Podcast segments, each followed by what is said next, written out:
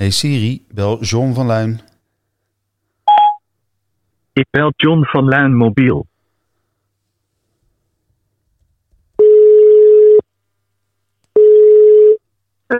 Nu. Hallo? Ja, hallo? Hoor je me? Ja, ik hoor je. Hey John, we moeten van dat hele podcasten af, man. We moeten op Clubhouse. Op wat? Clubhouse. Ja, nee. Ja, nee, joh, ik zit al op tafeltennis en eh, ik zit op de wandelvereniging. Ik, eh, ik heb geen uh, tijd over om op deze Welkom bij Stoppraatjes, de podcast over de live muziekindustrie. Met John van Luijn en Gideon Karting. Ja, Clubhouse, is dat iets anders dan die handtassenhouse van vroeger dan? Nee, Clubhouse is een app. Clubhouse is een app. Een app. Dat is de, next big thing. Invite only. Kan je alleen maar aan meedoen als je wordt uitgenodigd door iemand anders. En dat komt er eigenlijk op neer dat je kamertjes kan maken. Virtuele kamertjes waarin je een beetje slap kan ouwehoeren. En daar kunnen mensen dan bij meeluisteren. Dus eigenlijk een beetje wat wij doen, maar dan zonder eh, knipwerk en dan via een app. Super, eh, super hip en happening nu. Een soort continue podcast Ja, live en... live. En de reden waarom ik het nu opbreng is omdat de hele muziekindustrie sinds vorige week op die, eh, op die, eh, op die app zit. Dus je ziet iedereen oppoppen van, hey, zit je er ook, zit je er ook? Dus binnenkort loopt dat elkaar allemaal na te wauwelen. Ja, ja. Het, is, waarschijnlijk krijgen we binnen nu en een paar weken al te horen hoe je nieuwe hits kan bouwen en maken in, via Clubhouse. Ja, ja. Dus hey, eh, ik weet niet wat mensen erover zeggen, maar wij houden nog steeds de vinger aan de pols. Zo is het. hey, ik las dat de weekend voor 13 minuten bij de Super Bowl optreden een investering gedaan heeft van 7 miljoen dollar. Ja, Geloof jij mij, dat? Nou volgens, ja, nou, volgens mij zouden we het over, niet meer over voetbal hebben. Eh, maar eh, dat klopt.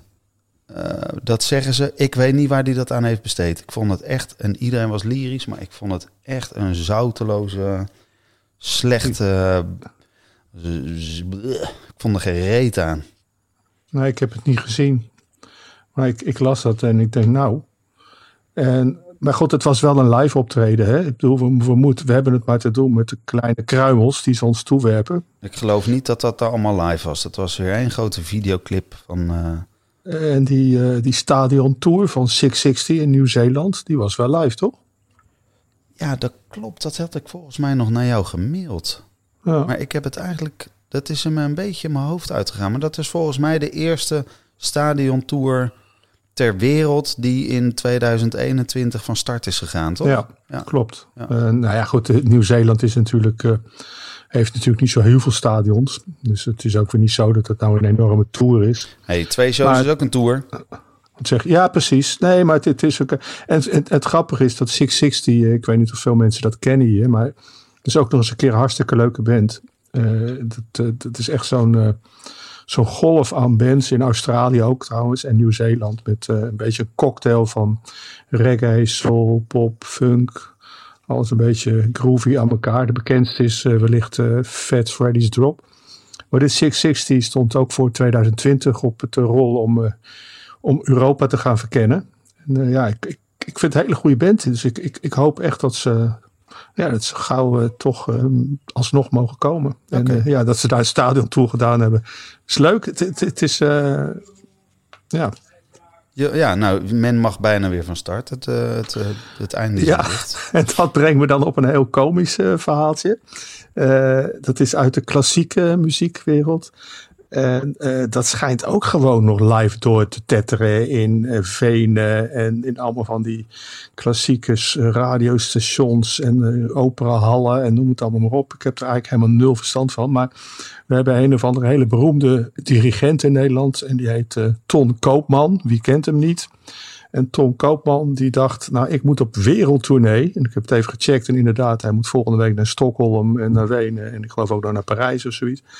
En die dacht dat hij wel in aanmerking kon komen om vervroegd gevaccineerd te worden. Ach, Ja, dus eh, ik weet niet of hij zelf aan de telefoon hing, maar eh, ja, het, het, het nieuws was een beetje slecht voor meneer Koopman. Hij is natuurlijk 78, dus ik snap wel de bezorgdheid. Ik snap het sowieso eigenlijk wel.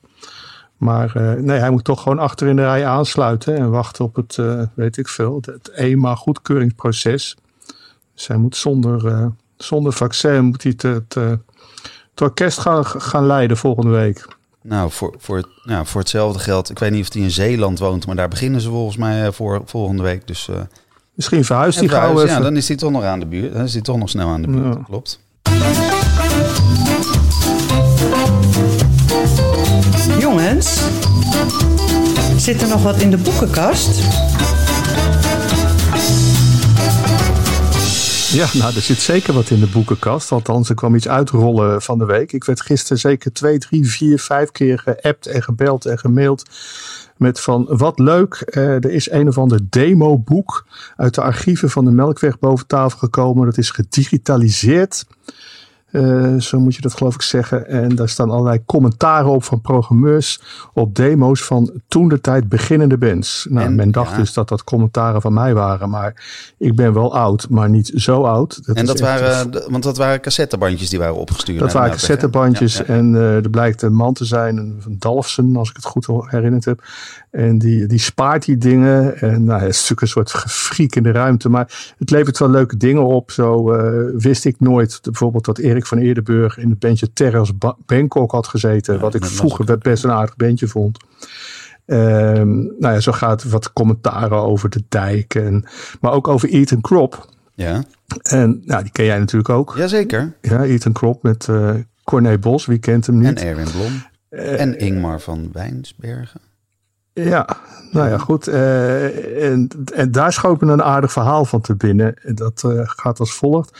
Eh, in de jaren negentig veranderde Ethan Crop van naam. Toen noemden ze zich ineens Ethan Crop Groove Society. De EC ja. Groove Society. En toen speelden zij in de tent die ik toen hostte op Dance Valley. En eh, ja, Corné, ja, het is echt een hele geschikte gast. En ja, het is eigenlijk al een soort van kennis voor het leven of zo. eh. En, maar het, op een gegeven moment, hij komt naar mij toe en de stoom komt uit zijn oren. Want eh, hij was aangekomen daar en ze hadden allemaal honger. En ja, backstage er was nog geen kruimeltje brood te vinden.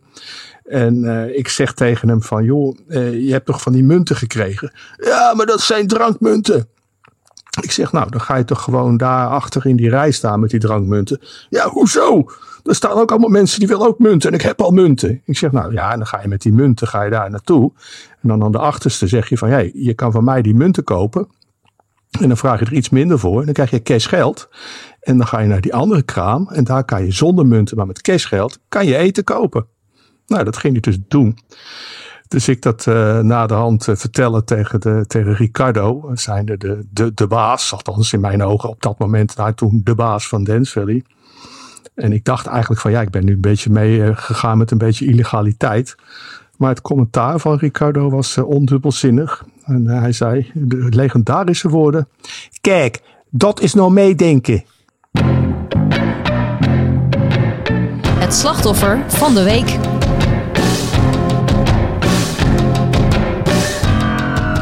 Ja, nou is een beetje de vraag natuurlijk. Kunnen we een hele maand uitroepen tot slachtoffer van de week? Of heb jij, de, heb jij er gewoon weer eentje gevonden?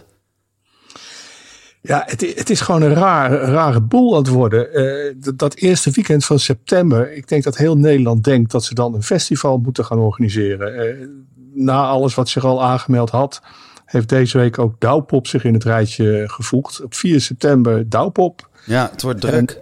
Ja, het wordt druk. Eh, ik, ik denk dat we nog een helikopter eh, optredens gaan krijgen van eh, Fleur, Floor en Vrouwtje. Die dan al die festivals langs... Ja.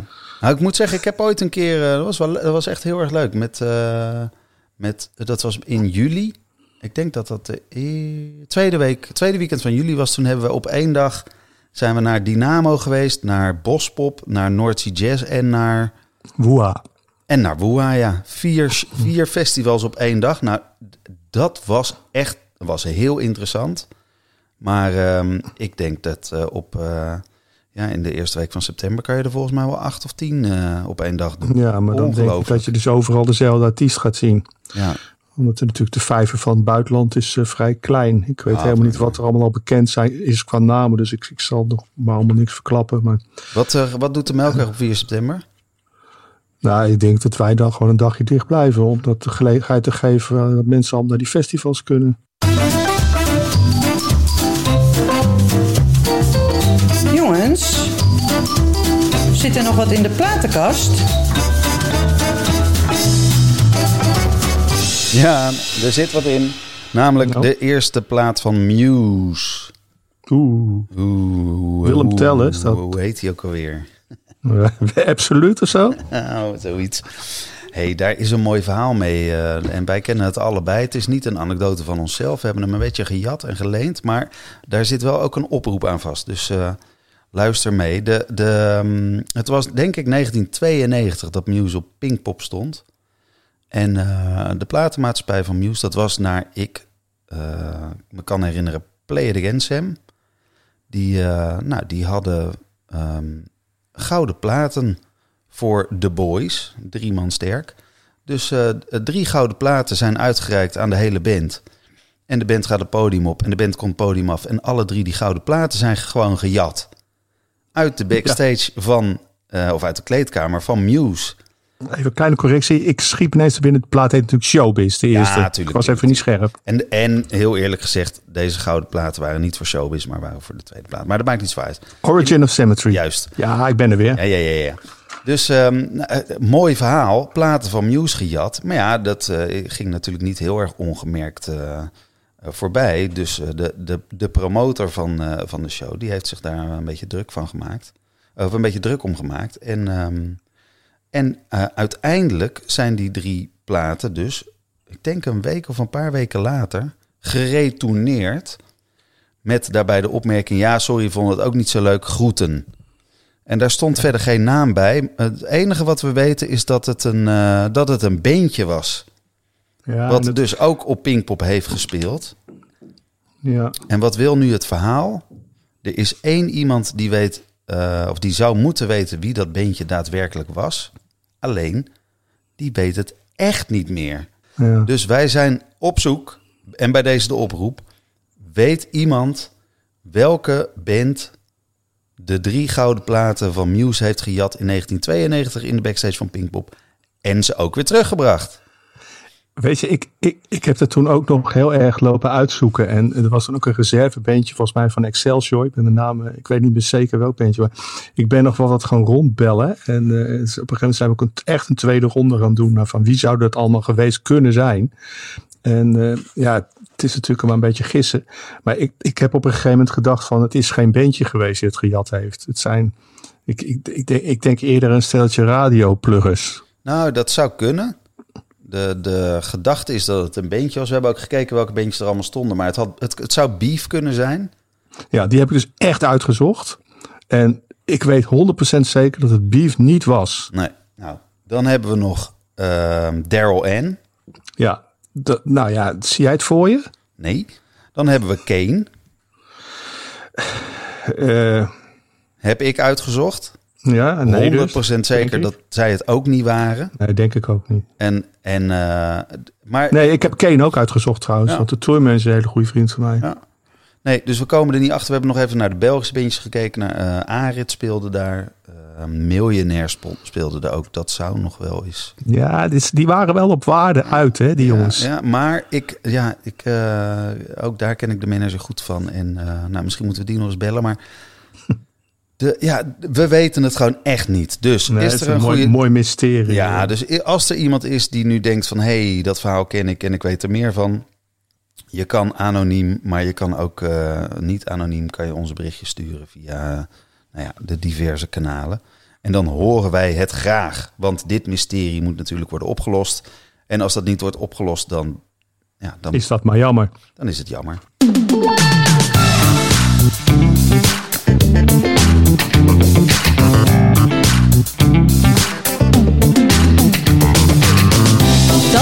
Het luisteren naar misschien wel de beste aflevering van Stokpraatjes. Word daarnaast vooral lid en vind ons leuk. Tot de volgende.